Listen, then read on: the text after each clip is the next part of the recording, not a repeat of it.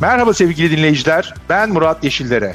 Eyvah CEO Doğru Yol kitabının yazarı, toplumsal cinsiyet eşitliği aktivisti ve kadrolu podcasterımız. İş hayatındaki kadınların doğurmasını gayet normal karşılayan podcast serimde başarılarıyla ilham veren kadınları konuk olarak ağırlıyorum. Şimdi sıkı durun.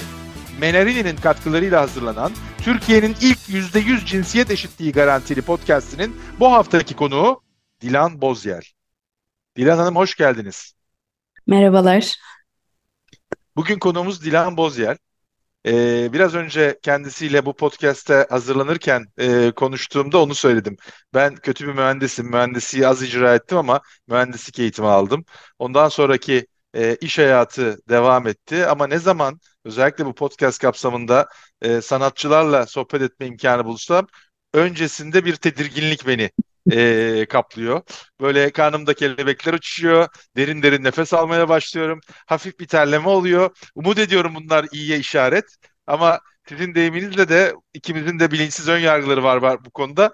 Onun için e, peşinen dinleyicilerimizden sürçülisan edersem affola diyeyim. Sizden de, de af dilediğim gibi. Ben bir sır vereyim hemen rahatlatmak için sizi. E, deli diyemedikleri insanlara sanatçı diyorlar. O yüzden Aa nefis. Çok güzel bir yerden. Kitabın ortasından başladık. Bayıldım. Deli diyemediklerine sanatçı diyorlar diye. Valla o zaman madem siz bana onu şey verdiniz. e, bir yazınızı e, internette buldum. E, sırayla sayıyorum. Saçlarımı uzattım. Saçlarımı kestim. Dudağımı kırmızıya boyadım. Dudağımı kanattım. Daha da devam ediyor. E, nedir bu hakikaten o delilik içeriden dışarıya doğru taşan? Oradan başlayalım sohbete. Eyvah bu kadar ama ben zor yerden başladım. Tamam. Muhtemelen 20'lerimin sonunda yazdığım bir yazı bu. Ee, o kadar net hatırlayamadığım bir yazı hatta. Yazının başlığı bir çimento fabrikasına aşık oldum. Ah, evet, bildim. Çünkü çocukluğumda aşık olduğum bir çimento fabrikasını anlattığım bir yazıydı. Evet. Ee, işte biz böyle, biz ins- sanatçılar çocukken çimento fabrikasına aşık olabiliyoruz aslında. Böyle başlamak güzel Valla oldu. benim de kariyer hedefim konserve fabrikasına müdür olmaktı. E, neden derseniz çok kamyonu var diye varsayıyordum. O e, konserve fabrikası müdürlerinin o kadar çok kamyonu olmak benim için çok büyük kariyer hedefi olmuştu. Ah, e, ilginç. Ben tabii görsel olarak çok etkileniyordum. Ee, fotoğrafçı olmamın da getirdiği e, bir şey sanırım. Ee, Diyarbakır'dan Elazığ'a, Hazargölü'ne çocukken hafta sonları seyahat ederken arabada işte babamın arka koltuğunda e, dümdüz bir alan içinde bir fabrika görmek ve o fabrikanın işte şeritli e, borularını görmek, doğaya ne kadar zarar verdiğini bilmediğim e, yaşlarım olduğu için bilinçsiz e, aşklarımdan biri diyebilirim onu da. E, neden fotoğraf diye sorulduğunda ışığın peşinde hayatta olduğumu anlayabilmek için demişsiniz. Aa, evet, hala arkasındayım. Burada bir değişiklik yok. Evet, iletişim dilim fotoğrafçılık. E, kendimi daha rahat ifade edebiliyorum. E, fotoğrafa başlan başlama hikayem de bununla ilgili. E, bilmem bahsetmemi ister misiniz Çok biraz ama isterim. Çok isterim. e, 18 yıl önce işletme, İngilizce işletme okurken Yeditepe Üniversitesi'nde çok mutsuz bir öğrenciydim. Kendime, aileme ve dünyaya sorumluluklarımı yerine getiremediğimi düşünüyordum. E, ve çok ağır bir depresyon eşliğinde okulu bırakmaya karar verdim. Doğru yolu bulabilmek için, kendim için. E, o dönem müzik dergilerine de yazıyordum stajyer olarak e, ya da asistan olarak. E, fakat bu bile kesmiyordu beni. Fakat bir alanda başka bir alanda kalmam gerektiğini düşünürken o kendini bulma yolculuğu 20'lerin başında çok zordur. Hepimiz yaşıyoruz. E, sağlığımı çok etkiledi. Eski bir Yeşilçam film e, hayranlarından olarak verem oldum. Ve bir yılla yakın e, karantinada tedavi gördüm. Bu tedavi sürecimde karantinada her gün kendi fotoğraflarımı çektim. Otoportrelerimi çektim odanın farklı noktalarında. Ee, aslında Diane Arbus isimli bir kadın fotoğrafçının fotoğraflarını görüp çok etkilendim fotoğrafçılıktan. Nasıl bu kadar tutkulu olabiliyor bir meslek? Bunun peşine düştüm. Bir yılın sonunda da rahmetli anneannem Londra'da yaşıyordu. Onlar Kıbrıs Savaşı'ndan sonra Londra'ya gidenlerdendi.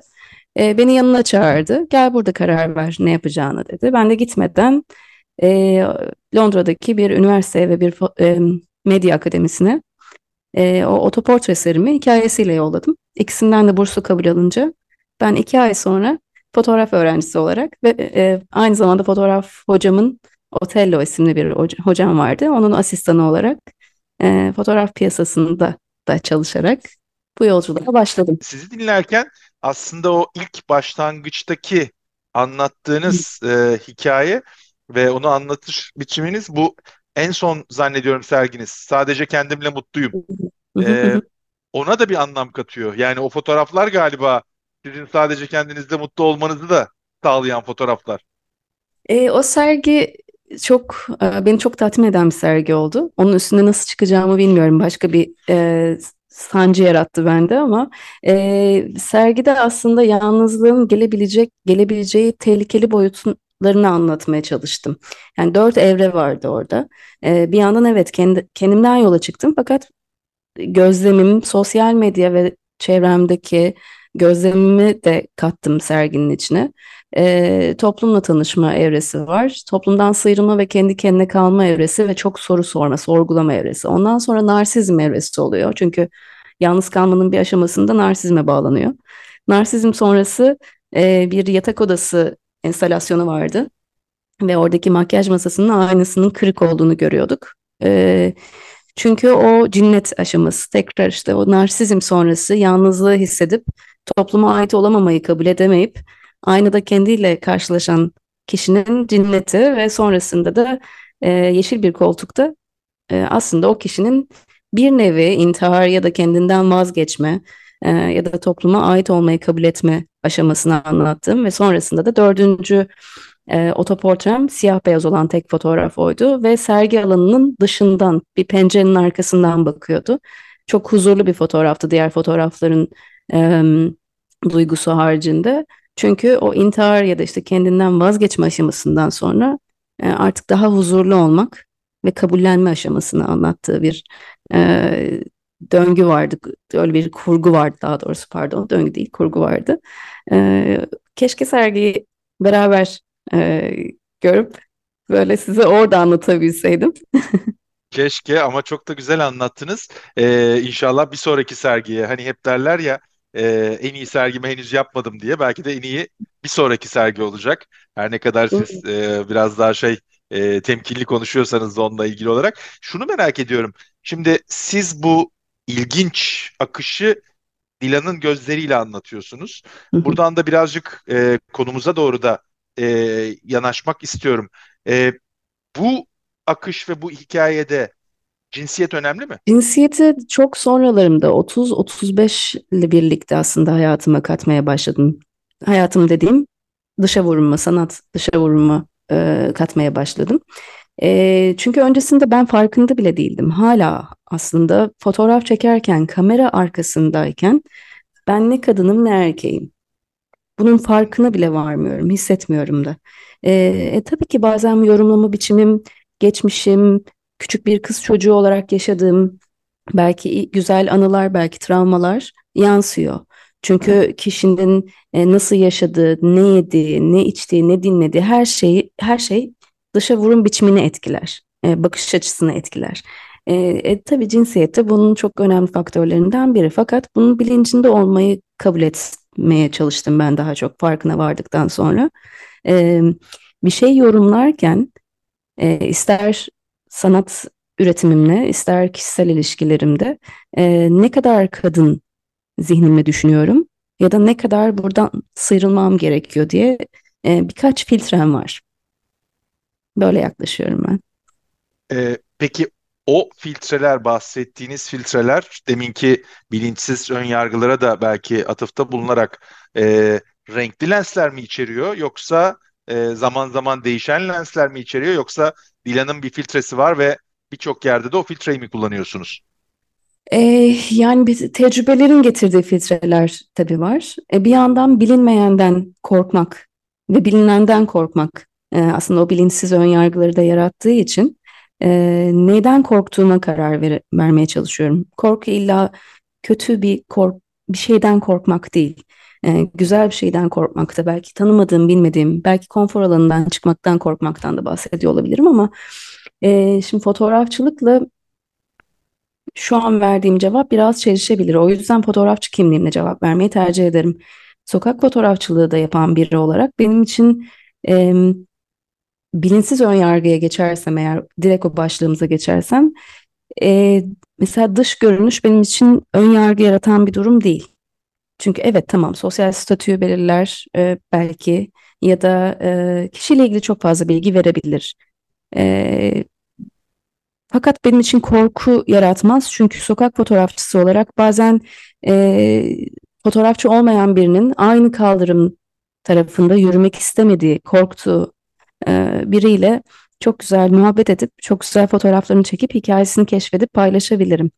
E, ya da işte bilmediğim bir sokakta, bir getto mahallede e, belki köyne bir kapının arkasındaki hikayeyi keşfetmek için oraya korkmadan girebilirim. Yani ön yargılarımı yıkarak girebilirim.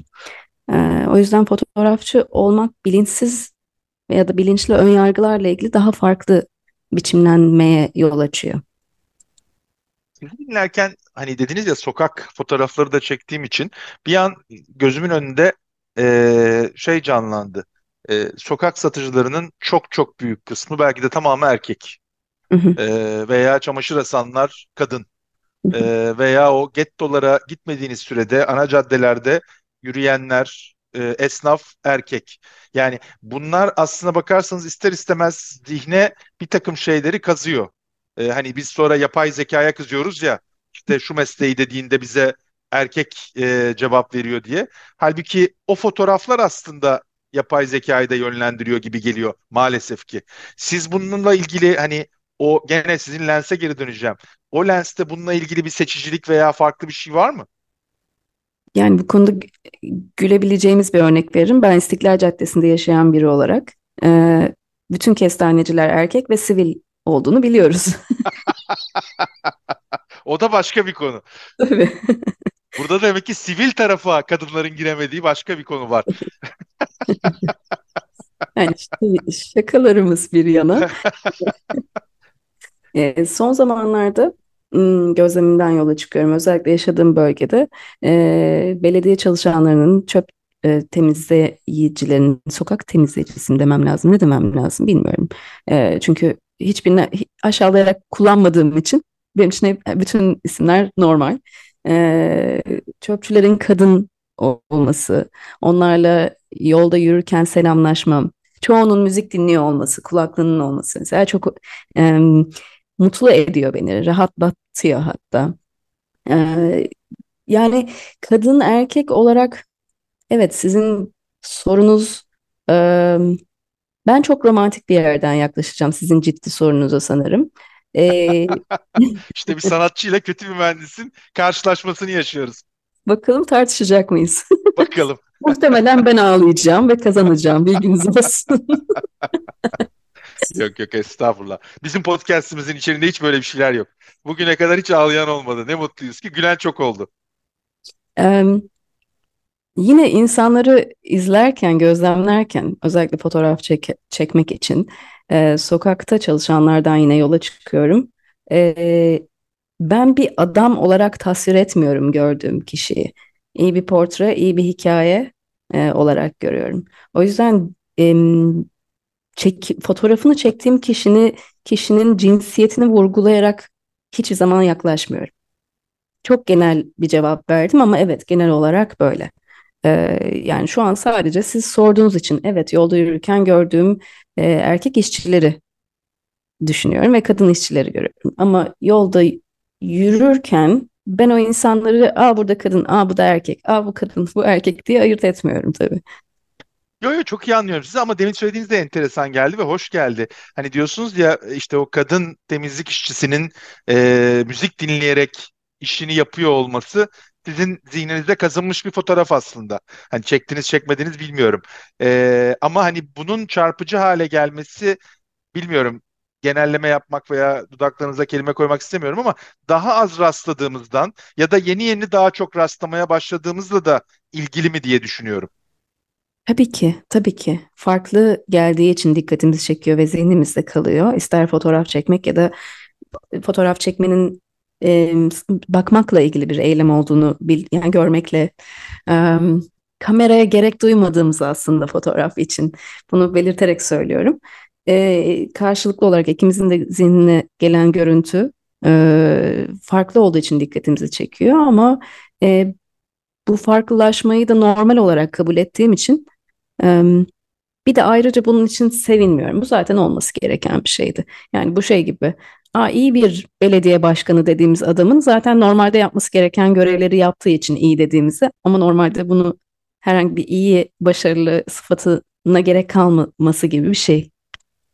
Doğru, Çok doğru siyasete söylüyorsunuz. girmeden hemen Yo yo doğru. Aynen çok çok iyi toparladınız. Çok güzel bir noktadan döndük. Peki sevgili e, Yekta'nın Yekta ile yaptığınız sohbette burada Yekta Kopan'ı da analım e, bu anlamda. E, diyorsunuz ki başarılı olmak için e, utanmamam lazım.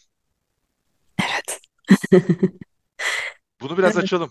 Yani toplumsal baskılardan bahsediyorum tabii orada. Cinsiyetten uzak e, söylediğim bir şeydi tabii o da. Ee, çünkü orada o röportajda anlattığım hikaye bir çekim için vazgeçtiğim e, belki bir utanma duygusundan. E, isterseniz belki bilmeyenler için kısaca anlatayım. Sevinirim tabii ki. Evet, çok Yekta'nın önemli. affına sığınarak ondan atıfta bulunarak alalım. Mutlu olacaktır eminim. Ee, Londra'da Travis isimli müzik grubunun fotoğraflarını çekmek için konser alanına girdiğimde benim için çok önemliydi. Konser fotoğrafçılığı yapan biri olduğum için. Bir yandan da Travis çok sevdiğim bir müzik grubu. Ee, O2 isimli bir alanda basın fotoğrafçısı olarak yer almak da önemliydi benim için. 20'lerimin başında bir öğrenci olarak. 4000 kişilik bir alandaydım ve e, üç, ilk 3 şarkı çekim hakkım vardı. Ee, ve Londra soğuk bir yer, bol bira içen bir toplumun içinde yaşayan bir öğrenciyim. Bira içerek girdim ve üşüyerek girdim. Dolayısıyla herkeste olabilecek bir şey. Tuvalete gitmem ve işemem gerekiyordu. Ee, fakat e, o üç şarkıyı kaçırmamak için çünkü 4000 kişiyi aşmak kolay olmayacaktı. Bir karar vermem lazımdı. Çünkü çişi varken insanın fotoğraf çekmek çok zor, titrer, odaklayamaz.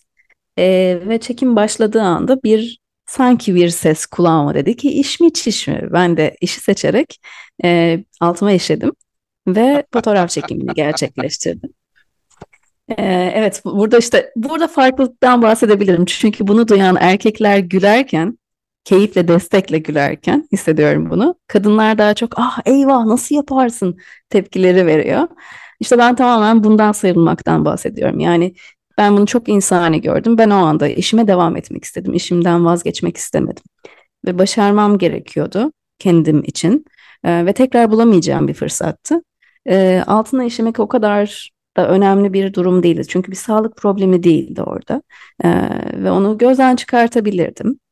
Ee, aslında bundan bahsediyorum. Yine çok belki romantik gelir kulağa ama. Çok çok çok güzel. Yani ben farklı bir konteks olduğunu biliyorum ama benim o başlık da hoşuma gitti. Yani çünkü sizin yaptığınız işte bazı sahnelerde aslında hem utanmamanız hem de utandırmamanız gerekiyor o fotoğrafları, o kareleri yaratırken.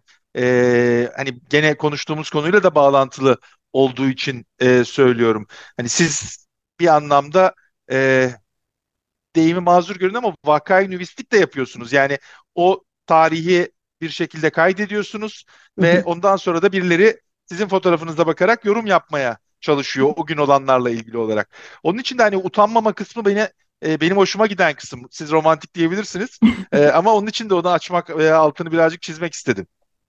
Evet, teşekkür ederim. Ben de bir yandan sürekli romantiğin altını vurguladığım için bir mahcup oldum. Karşımda mühendis olunca. Yok ben kötü bir mühendisim. O yüzden de hani e, mühendis bile sayılmam e, o açıdan bakıldığında. Peki e, o bilinçsiz ön yargılardan bahsettik. Siz kendi şöyle bir geçmişe baktığınızda e, kendinizde o bilinçsiz ön yargıları hissettiğiniz ya ben nasıl aslında böyle bakıyormuşum veya böyle yorumlamışım dediğiniz anlar hatırlıyor musunuz?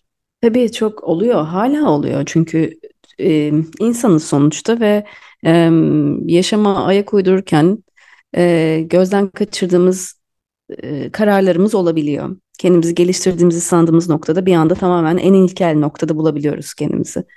Yine o bilinmeyenden korkmak ya da bilinin, bilinenden korkmak e, cümlesiyle yine anlatabilirim bunu ama ben genelde fark ettiğimde, olabildiğince fark ettiğim anda e, durup özür dilemeyi tercih ediyorum. Karşımdaki insanı kırabilecek bir hareketim olduysa ön yargımdan ötürü ve açıklıyorum da ön yargılı olduğumu, neden ön yargılı yaklaştığımı da anlatmaya çalışıyorum. Kendime de anlamaya çalışıyorum. Özür dilemekten hiç çekinmem bu konularda da. Ee, yanılma payı her zaman var. Ama olabildiğince az olması için uğraşıyorum. Bunun için bir örnek vermek isterim. Dün bu konu çünkü geçti. Asistanım Ecem Ulubaş'la aramızda. Ee, son bir ay içerisinde iki yeni farklı alanlardan e, insanla çalışıyoruz. İki beyle çalışıyoruz, beyefendiyle çalışıyoruz ve e, biri sahnede kamera önünde ve ismi bilinen biri. X Bey diyorum ben buna. E, y Bey ise e, beyaz yaka ki bu bir ayrım değil ama tanımlayabilmek için e, bunu kullanıyorum. Ee, ve mail adresi ya da bir sözleşme olmasa belki soyadını çok aklımda tutmayacağım, fark etme soyadını fark etmeyeceğim bir beyefendi. Ee, ve bu X Bey bizim meşhur olanımız e, asistanıma diyor ki bana beyefendi demene gerek yok. Kendimi rahatsız hissediyorum. Ben senin saygına zaten inanıyorum. E, asistanım da bana gelip ben beyefendi demeyeceğim böyle bir şey talep edildi. Bilginiz olsun dedi bana. Ben de bunun üstüne biraz konuşalım istedim. Sadece sohbet edip onu da ne düşündüğünü anlamak için. Çünkü diğer beyefendiden, Y Bey'den böyle bir talep gelse ben yine de beyefendime devam et derdim. Çünkü orada bir bilinmezlik var. Fakat diğerini biz güya işte sahneden bildiğimiz için, kameradan, ekrandan tanıdığımız için güveniyoruz. Ama belki o, o asıl korkutucu olan, e, belki tehlike barındıran o kişi. Bilmiyoruz bunu. E, bunun üzerine dün böyle bir sohbet geçince e, şimdi anlatayım istedim. Bunun bir sonucu yok, varmadık bir yere.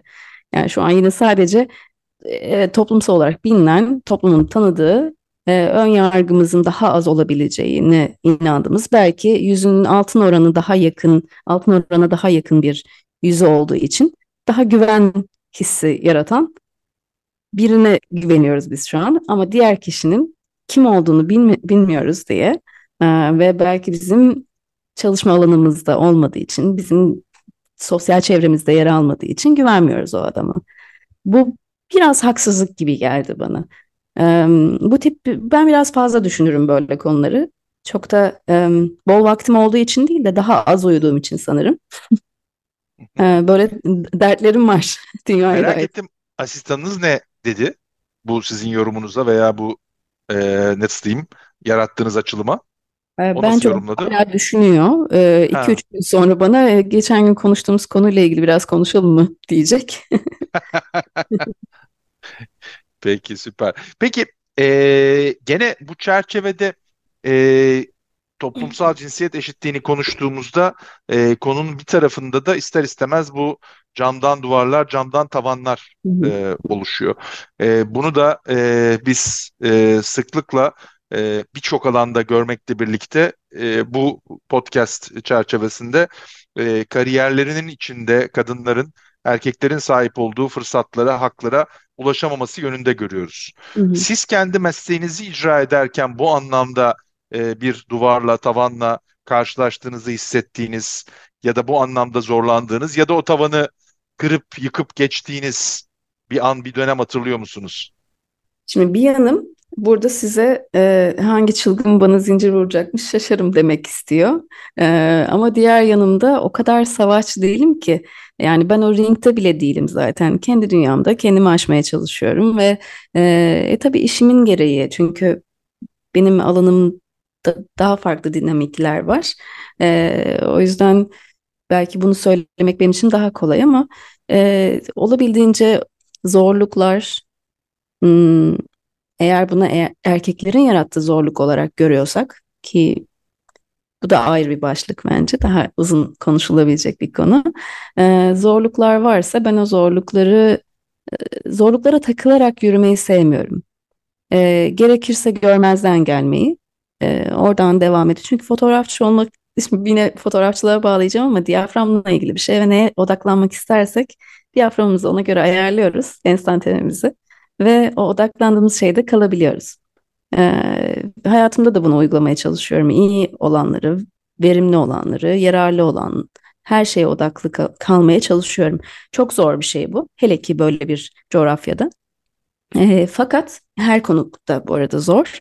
E, bazen yorucu olabiliyor ama e, günün sonunda e, yapılan haksızlıklar, sağlanmayan destekler yüzünden kendimi üzülürken bulmak yerine kendi kendime başarabildiğim, e, aşabildiğim yollar için içim çok daha rahat e, yatağıma girebiliyorum. Sanırım buradan daha rahat olabiliyor, daha iyi bir hayat, daha kaliteli duygular yaşanabiliyor.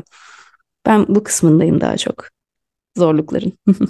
Bu odaklanma kısmını hele ki onu kendi mesleğinizle de e, birleştirerek yaptığınız benzetmeye bayıldım. Çok güzel. E, hakikaten e, bir an gözümün önüne geldi. E, o bahsettiğiniz şeyle oynayarak, diyaframla oynayarak farklı noktalara odaklanmak, odağınızı e, kendiniz seçerek e, belki daha netlemeyi e, istediğiniz alanlarda yapmak nefis. E, bununla birlikte hani bu podcast'te e, gelmeden e, birazcık e, kendi çapımda ev ödevi yapmaya çalıştığımda e, birçok alanda olduğu gibi aslında fotoğrafçılık alanında da e, eğitim konusunda e, kadın erkek sayısının hemen hemen eşit veya yakın olduğunu ama bunu profesyonel bir kariyere dönüştürme konusunda e, oransal olarak kadınların çok daha geride olduğunu profesyonel fotoğrafçıların arasında e, gördüm ya da böyle bir sonuca ulaştım. Bilmiyorum e, katılır mısınız veya doğru mudur sizin tecrübenizde de örtüşüyor mu?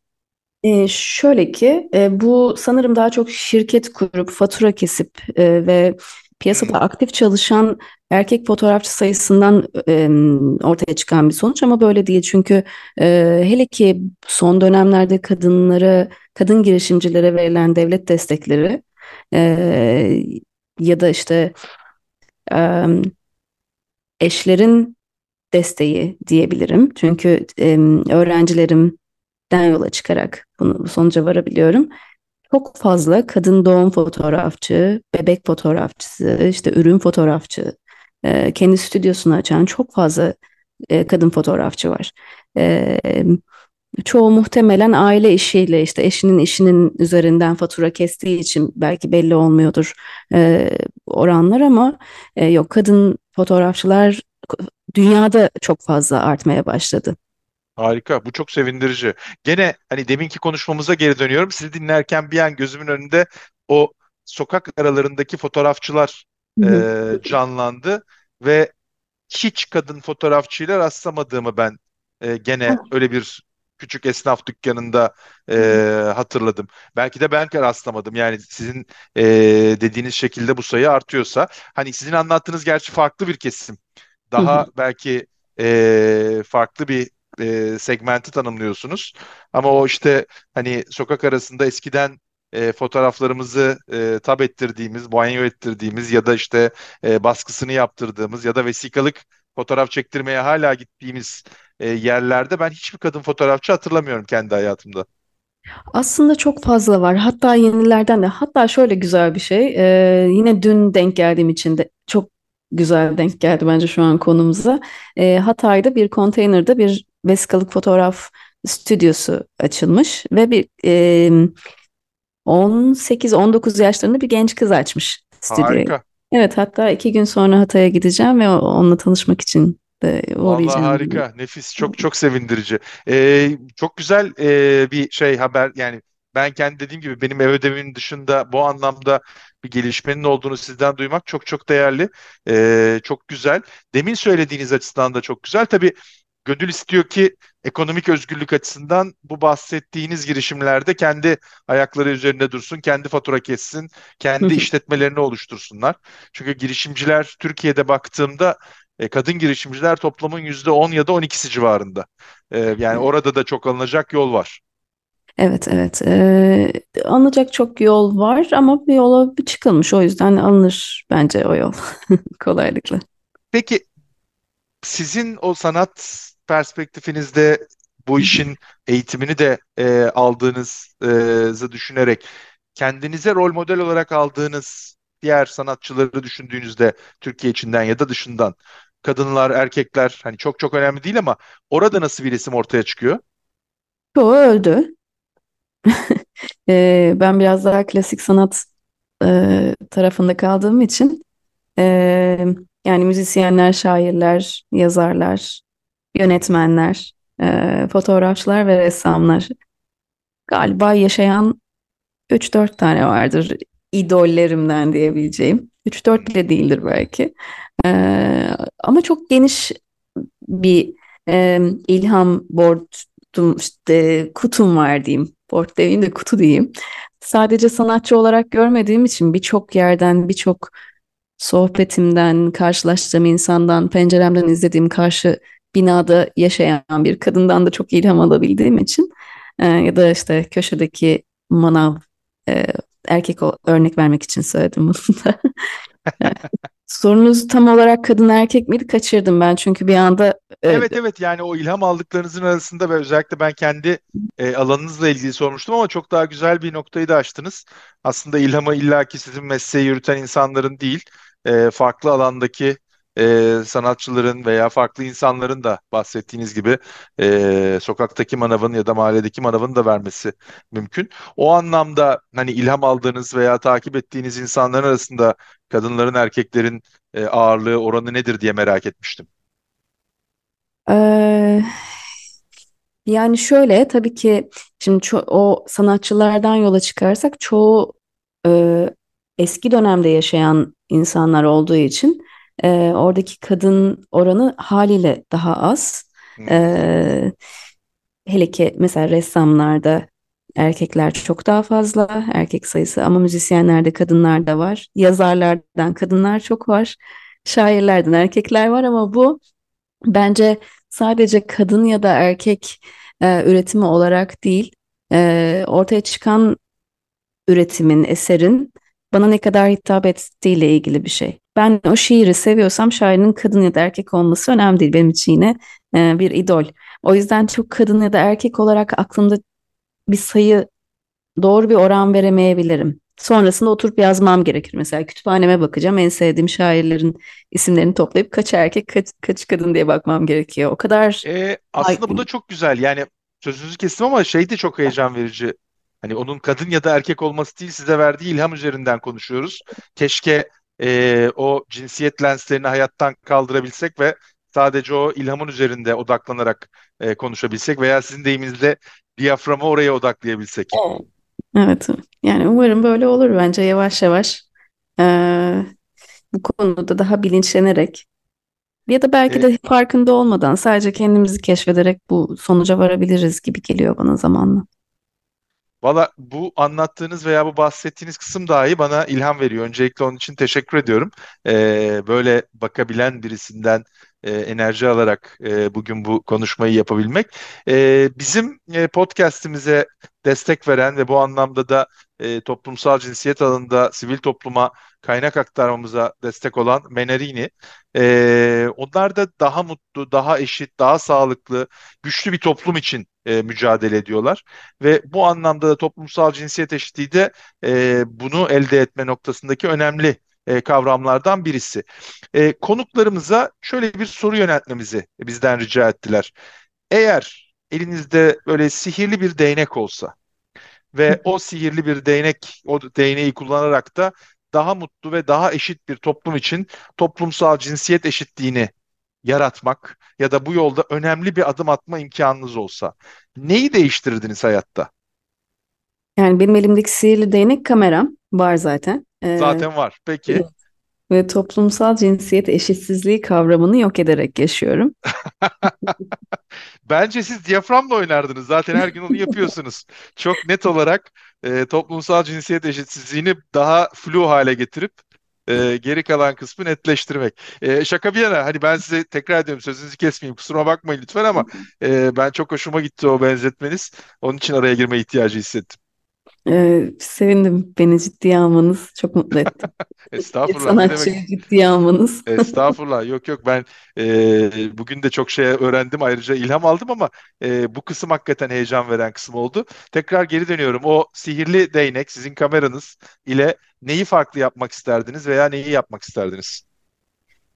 Çok basit, çok yine tekrar etmiş olacağım ama ben bu eşitsizlik kavramını yok etmek isterdim. Yani hiç böyle bir kavram olmamış gibi en baştan e, öyle başlayıp kaldığımız yerden devam etmek. Süper, süper, harika. Ee, peki, ee, yavaş yavaş podcast'in sonuna geliyoruz ama size bir de bu feminizm kavramını da sormak isterim. Ne düşünüyorsunuz veya ne canlanıyor zihninizde feminizm kavramını duyduğunuzda? Ee, bunu keşke sokakta yüz kişiye sorsak. Yani hiç korkutucu bir kavram değil. Sadece anlam karmaşası yaşıyoruz bazen bazı farklı coğrafyalarda, kendi coğrafyamızda olduğu gibi. Yani kadın erkek eşitliğinden yola çıkmak isterim. Ee, pozitif ayrımcılığı da geçerek. Ben tabii ki bu kadar verdiğim cevabın üstüne ayrı bir şey söylemek istemiyorum. Fakat bir yandan hem eşitliğe inanıyorum, bir yandan da birbirimizi tamamladığımıza inanıyorum. Ee, bir varoluş var, bir yaratılış var. Ee, ve bu e, farklılık olarak görülen e, belirleyici özellikler aslında birbirimizi tamamlamak üzere e, oluşan bir belki adaptasyon, belki evrim, bilmem. Konumu haddimi aşmayayım. Çok Yok, e, estağfurullah. Ee, peki hani bu bir bir yolculuk, bir evrim, bir e, süreçten bahsediyorsunuz. Kadın erkeğin eşit olduğu veya e, hani biz birazcık daha fırsat ve hak eşitliğine e, de onun altını çizmeye çalışıyoruz toplumsal cinsiyet eşitliğini tartışırken. E, pozitif ayrımcılıkla ilgili bir şeyler söylediniz. Hani pozitif ayrım ben mesela kendi adıma ben ayrımcılık yapılması gerektiği inancındayım. Pozitif de değil. E, dünyanın şu anda bozulmuş olan o dengesizliğini düzeltmek için farklı bir şeyler yapmak gerekiyor. E, hani iki tane insanı yan yana koyup bunlar eşitse kadını seçelim bana çok gerçekçi bir plan gibi gelmiyor. O yüzden de ben e, bu anlamda belli noktalarda, atamalarda, seçimlerde kadınlara ayrı bir e, öncelik verilmesi gerektiği düşüncesindeyim. Tabii ki yetkinlik ön planda. Ama diğer tarafta bu eşitsizliği yaratan da yetkinlik eksikliği değil. O en başta konuştuğumuz bilinçsiz önyargılar. Tabii. Şöyle ki, e, şimdi bir yandan sizi dinleyip size de hak verip, bir yandan da e, günlük hayatta bazen kadın olduğum için e, sunulan pozitif ayrımcılık, sunulan demek bile sinirimi bozuyor. E, be, beni gerçekten sinirlendiriyor. E, o şey tam e, kediler gibi tüyleri kabaran bir e, yaratığa dönüşebiliyorum. E, ama tabii ki hiç e, saygısızlık etmeden çok tatlı tatlı bir kadın olduğum için bu sıranın bana verildiğini farkındayım. Ama ben bunu kabul etmiyorum. Teşekkür ediyorum. Ben bekleyebilirim arkada diyebileceğim günlük olaylar yaşıyorum tabii. Ee, yani kendi iş hayatıma da dönersem çalıştığım insanlar ya da işte işe alırken kararlarımda e, kişinin haliyle ilgili, cinsiyetiyle ilgili değil seçimlerim. Ee, az önce sizin de altını çizerek hatta orada belirttiniz yeterliliğiyle ilgili. Ee, dolayısıyla kişinin hali odaklı değişken bir kavram olduğu için ben de pozitif ayrımcılık yine onu kadın erkek olarak görmek istemiyorum. Ama ben işin çok çok tatlı su tarafından konuşuyorum şu an. Ee, çok yani o yüzden genelleme yapmak ve bunun üzerine e, birinin eleştirmesi çok haklı bulabilirim. Örnekleyerek eleştirmesini çok haklı bulabilirim konuştuğum şeyleri sözlerimi ama e, toparlamaya çalışıyorum. Bir yandan Niye, yanlış niye kimseyi de kırmayayım. Yo niye tatlı su diyorsunuz? Evet o hani kimseyi kırmamayı e, şeyinizi özeninizi hissediyorum da e, niye tatlı su tarafı? Bu çok çok önemli bir konu aslında bakarsanız sizin baktığınız perspektif. Yani şöyle çünkü e, işin sanatçı kısmından, sanat tarafından konuşuyorum ve e, sanat odaklı bir hayatım var. Olabildiğince sanat odaklı olsun diye uğraşıyorum ve e, birçok zor hayata göre e, farklı zorluklar yaşıyorum. Bu çok zor bir soru oldu. Bu kendimi şu an nasıl anlatsam da acaba hem kendimi kırmasam hem kimseyi kırmasam noktasında. Çok özel özen Benim gösteriyorsunuz de şu anda. yaşadığım zorluklar var. Eminim işte onları birazcık da zaten hani gıdıklamaya ben çalışıyorum. Oradan bir şeyler çıkartabilir miyiz diye bizi dinleyenler açısından. Ben hani şöyle bir şeye geri döneceğim. Hani sizin söylediğiniz o tırnak içinde tatlı su kısmına geri dönerek eşit hayatları konuşuyoruz. Evet. Ama biz eşit hayalleri dahi yaratamamışız dünyada. Yani kadın ve erkeğin e, aynı hayalleri kurmasını dahi becerememişiz. Bırakın ki eşit hayatlara sahip olabilmeyi. O yüzden de hani tatlı su diye bir şey yok. Bence hayatın her aşaması, her e, süreç için ve sanat içinde, spor içinde, iş hayatı içinde, siyaset içinde geçerli diye düşünüyorum konuştuğumuz perspektif. Evet ama şimdi bir yandan bütün e, kendimizi bildiğimiz kadar bütün hayatı gözlemleyen, toplumu tanımaya çalışan insanlar olarak kendi adıma söylüyorum bunu. E, birçok zorluğun farkında olduğum için ben buradan e, kendi adıma yorum yaparken haksızlık etmek istemem. Adil sonuca varmadığım farkındayım sonuçta. E, bence bu bile iyi bir şey çünkü herkes kendini bilerek e, ve neyin içinde yaşadığımızı bilerek hareket edersek kadın ya da erkek fark etmez tamamen insan eşitliği üzerine odaklanabiliriz. E, ben işin bu kısmında kalmayı tercih ediyorum çünkü Lütfen bana kızmasın kimse ya da kızarsa da sonsuz anlayışla karşılarım ama toplumda erkeklerin yaşadığı çok sorunlar var. Bu kadar öfke patlamasının altında yatan çok bastırılmış öfke, sıkıntı var. Çok travma var. O yüzden ben insandan yana kalmayı tercih ederek diyorum ki evet her hepimizin sorunları var. Hepimizin aşmaya çalıştığı şeyler var. E, uğradığı eşitsizlikler var, haksızlıklar var e, kadın erkek olarak ayrı ayrı işleyebiliriz ama ondan önce insan olarak eşit olduğumuzun e, farkına varalım. Ondan sonra daha ta buradayız biz çünkü. E, insan olarak eşit olduğumuzu fark ettikten sonra diğer konuya gelebiliriz gibi geliyor bana. En azından bu toplumda.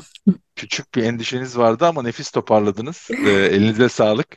E, çok teşekkürler. Son olarak da sizin alanınızda e, yolunuzun kesiştiği e, ve bu konuda e, belki de daha fazlasını yapmak isteyen bizi dinleyenler açısından sanatın bir dalında bu e, fotoğrafçılık da olabilir, farklı alanlar da olabilir.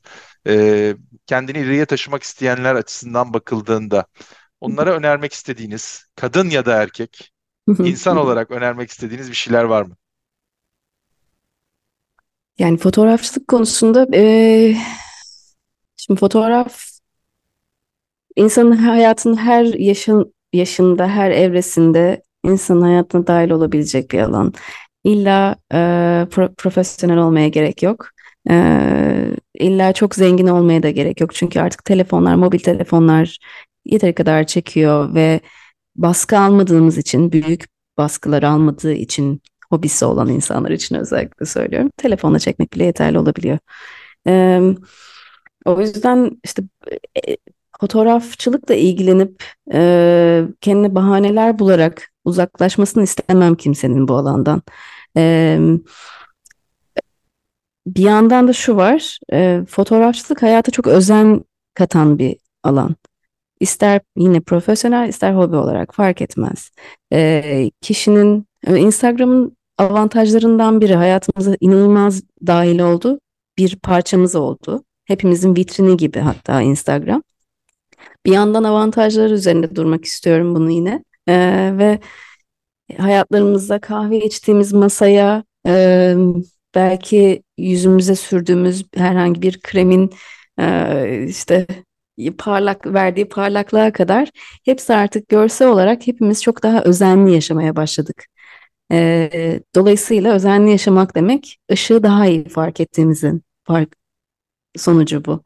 Ee, evimizi dekore ederken bile artık Instagram'a göre telefonu çek, telefonla fotoğraf çekerken nereden daha iyi ışık aldığını görmeye başladık. Bunu derslerde verselerdi, bize öğretselerdi belki bu kadar etkili olmazdı. Ee, o yüzden fotoğrafçılığın hiçbirimizden bağımsız olabileceğini düşünemiyorum. Hep herkes fotoğraf çekmeli hatta. Bana sık sık sorulur işte telefonla fotoğraf çekildiğinden beri işte mertlik bozuldu mu fotoğrafçılık işte ne olacak onun. Hayır herkes çekmeye fotoğraf çekmeye devam etsin. Daha çok kişi fotoğraf çeksin ki daha güzel bir dünya yaratmayı görsel olarak da daha iyi başaralım. Çünkü artık fotoğraf işte yine telefon ekranından dönüyorum sık sık bunu vurgulayarak pardon. Ee, telefon ekranından gördüğünüz şehir görüntüsünde o görseli sizin gördüğünüz fotoğrafı bozan çirkin yapılaşmaların farkına varabilmemiz için görmemiz gerekiyor. Bu da fotoğraf bize sağlıyor. Belki bu da Instagram aracılığıyla oluyor artık. O yüzden her şey birbirine bağlı. İyi kötü her şey çok olması gerektiği gibi gidiyor olabilir dünyada. Umarım her şey gerçekten bu kadar anlattığım kadar güzeldir. E, tam onu söyleyecektim. İnanılmaz pozitivizm yaşıyoruz şu anda. E, harikasınız. E, son soru dedim ama bu söylediğiniz bir şeyi tetikletti. Bunu da kişisel merakımdan soracağım. E, hani tabii ki işte cep telefonu ve onun bu fotoğraf çekmeyi kolaylaştırması e, çok çok e, önemli ve çok değerli. O demin bahsettiğiniz güzellikleri ve zaman zaman da çirkinlikleri fotoğrafla e, o anı bir şekilde kaydetmek anlamlı. E, bununla birlikte bazen de şunu düşünüyorum. E, o cep telefonunun kolaycılığı veya rahatlığı nedeniyle ve sürekli yanımızda olması sebebiyle bazı anları da acaba layıkıyla yaşamaktan mı çıkmaya başladık? Yani hani o anı görüntülemek, o anı yaşamaktan daha önemli olmaya başladı. Ee, böyle farklı işte bir konserde, bir maçta ya da bir e, eseri ya da bir görüntüyü e, hemen makinaları çekip fotoğraflarını çekip de o anı ölümsüzleştirmek tırnak içinde o anı yaşayıp o anı içinize çekmekten daha değerli olmaya mı başladı diye bir endişem var.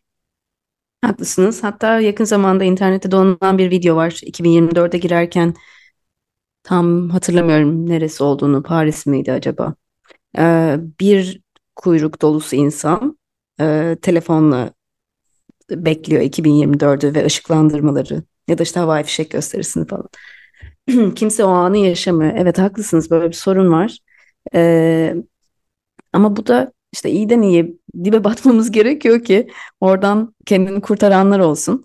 Ee, siz bunu sorarken bir yandan aklıma e, geçtiğimiz ay e, Van Gogh Müzesi'ndeydim ve e, çok sevdiğim eserlerinden birinin önünde durup böyle fırça darbelerini incelerken yine çok romantik anlatıyorum.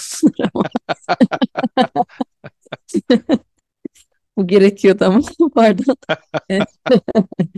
Ee, birkaç genç yanımdaydı, sağ tarafımdaydı. Onlar işte sırayla ya selfie çekiyorlar ya birbirlerini çekiyorlar. Fotoğraflarını çekiyorlar. Sol tarafımda da e, benden muhtemelen 10-15 yaş büyük bir hanımefendi eşiyle birlikte gözyaşlarını siliyorlardı. E, bu gerçekten böyle bir hikaye yaşandı. Ben aralarındaydım ve gerçekten iki jenerasyonun da arasındaydım. E, fırça darbelerini inceledikten sonra eserin e, durup izleyip hatta şükrettikten sonra onu görebildiğim için e, sonra ben de telefonla sadece aklımda kalsın hatıra amaçlı e, fotoğrafını çektim. Çok da engel olmadan kimseye oradan ayrıldım. E, umarım benim gibi düşünen çok fazla insan olur diye düşünüyorum. Yani ne işte bunun için çok fazla önce anı çok kaybetmemiz gerekiyor. Ondan sonra ders alacaklar alacak. Bir eleme yaşanacak dünyada muhtemelen. Ee, sonrasında farkında olanlar, farkında kalanlar diyelim artık. Ee, bir kendi aralarında daha iyi anlaşan ayrı bir topluluğa dönüşecek. Belki sadece sanatçılar o tarafta kalacak. Bilmiyorum. Hepiniz belki bir gün sanatçı olacaksınız ya da bilmiyorum. İlhan Bozyel çok çok teşekkürler bugün bizimle olduğunuz için. Ee, özellikle de hayata bu kadar olumlu baktığınız için e, ve e, bize de bu anlamda ilham verdiğiniz için e, sizinle olmak büyük keyifti. Ben çok teşekkür ediyorum. Ee, birazdan kaydı kapattıktan sonra oturup ağlayacağım. Bunlar hepsi reklam mıydı? Tabii ki. çok sağ olun. Çok sağ olun konuk ettiğiniz için, e, dinlediğiniz için, ciddiye aldığınız için. Çok teşekkür ederim. Eyvah CEO Doğruyor da bu hafta Dilan Bozyel'i konuk ettik. Bir sonraki bölümde farklı bir kadın liderle tekrar karşınızda olmak dileğiyle.